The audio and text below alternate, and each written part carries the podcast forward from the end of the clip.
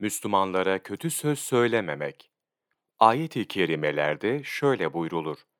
İnsan hiçbir söz söylemez ki yanında gözetleyen, yazmaya hazır bir melek bulunmasın. Kaf suresi 18. ayet. Hakkında bilgin bulunmayan şeyin ardına düşme.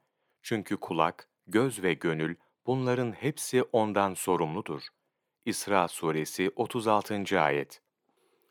Resulullah sallallahu aleyhi ve sellem, sahihainde geçen bir hadis-i şerifte şöyle buyurmuştur. Müslüman, Müslümanları elinden ve dilinden selamette kılan kimsedir. Muhacir, Allahu Teala'nın yasakladıklarını terk eden kimsedir. Ebu Hureyre'den radıyallahu an şöyle rivayet edilir. Resulullah sallallahu aleyhi ve sellem buyurdu ki, kim Allahu Teala'ya ve ahiret gününe iman ediyorsa ya hayır konuşsun yahut sussun. Kim Allahu Teala'ya ve ahiret gününe iman ediyorsa komşusuna eziyet vermesin.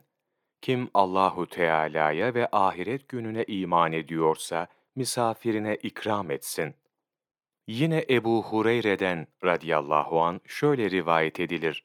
Resulullah sallallahu aleyhi ve sellem buyurdu ki, kim bana iki dudağı arasındakiyle iki ayağı arasındakine kefil olursa, ben de onun için cennete kefilim.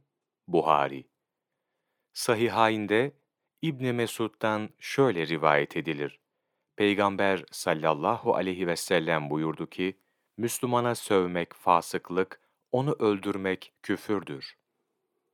Müslim, Ebu Hureyre'den şöyle rivayet ediyor. Resulullah sallallahu aleyhi ve sellem, bilir misiniz müflis kimdir buyurdu. Bize göre müflis, ne parası ne de malı olmayandır dediler. Buyurdu ki, şüphesiz ümmetimden müflis, kıyamet gününde namaz, oruç ve zekatla gelecek olan kimsedir. Ama şuna sövmüş, buna zina isnadında bulunmuş, şunun malını yemiş, bunun kanını dökmüş, diğerini de dövmüş olarak gelecek ve buna hasenatından, şuna hasenatından verilecektir.